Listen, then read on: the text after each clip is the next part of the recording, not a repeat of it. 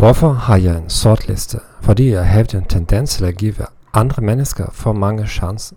Konsekvensen af dette var, at jeg investerede for meget tid i mennesker, der ikke fortjente det, og at jeg investerede for lidt tid i mennesker, der faktisk fortjente det. Hvordan virker det? Min sorte liste er en tabel med tre kolonner. Den anden er motivet for at sætte person på listen. Den tredje er en indikator for intensiteten af, hvor meget jeg ikke kan lide person, fra 1 til 10. Jeg opdaterer løbende listen. Hvem skal være på din liste? Anvend person, der regelmæssigt overskrider dine grænser.